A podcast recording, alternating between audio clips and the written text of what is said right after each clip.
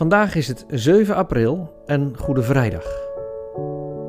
Het bruiloftsfeest, de Kana en Goede Vrijdag hebben iets met elkaar te maken. Rolf laat zien hoe. De tekst van vandaag is Matthäus 27, vers 37, waar staat: Boven zijn hoofd bevestigden ze de aanklacht, die luidde: Dit is Jezus, de koning van de Joden.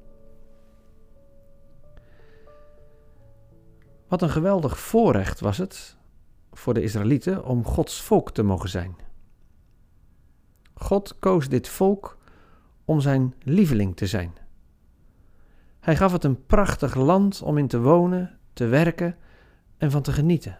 Hij gaf ze alle ruimte om dankbaar te zijn, Hem te aanbidden, Hem te eren met hun offers. Maar het liep slecht af.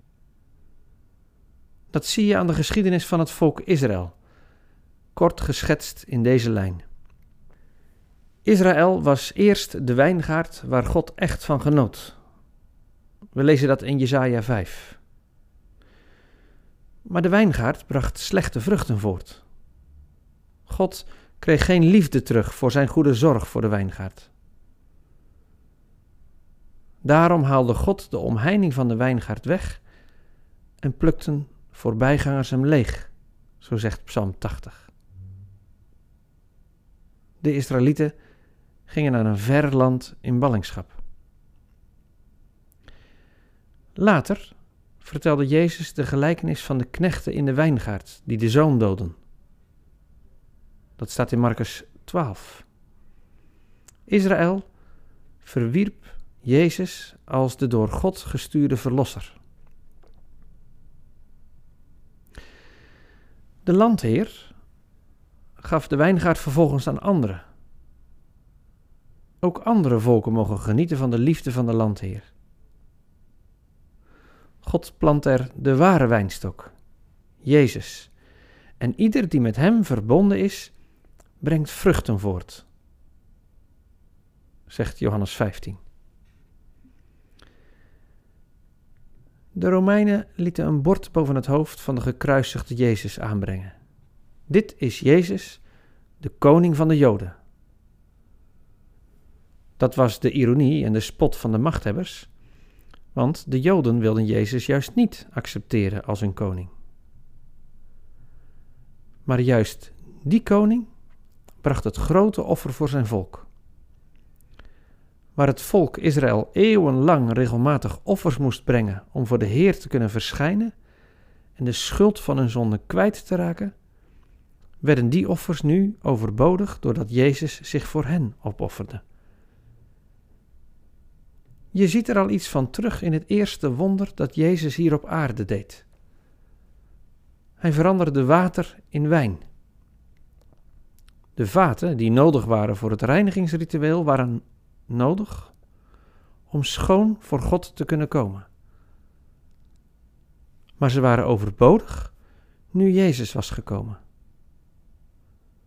Hij maakte met zijn offer ieder schoon die in hem gelooft.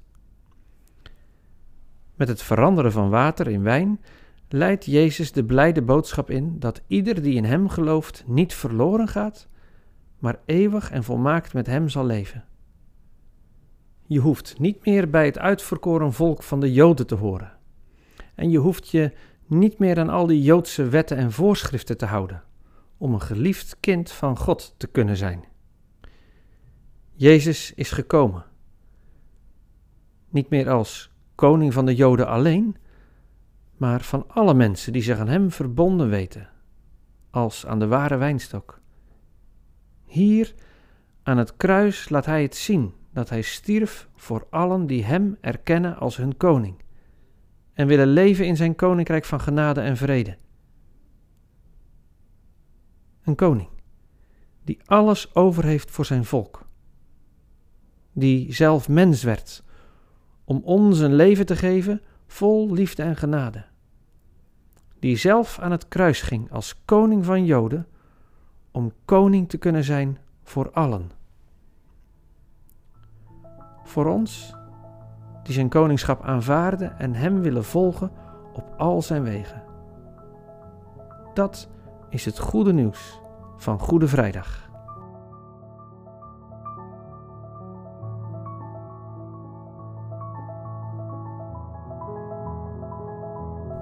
Leuk dat je luistert naar 40 dagen hier en nu.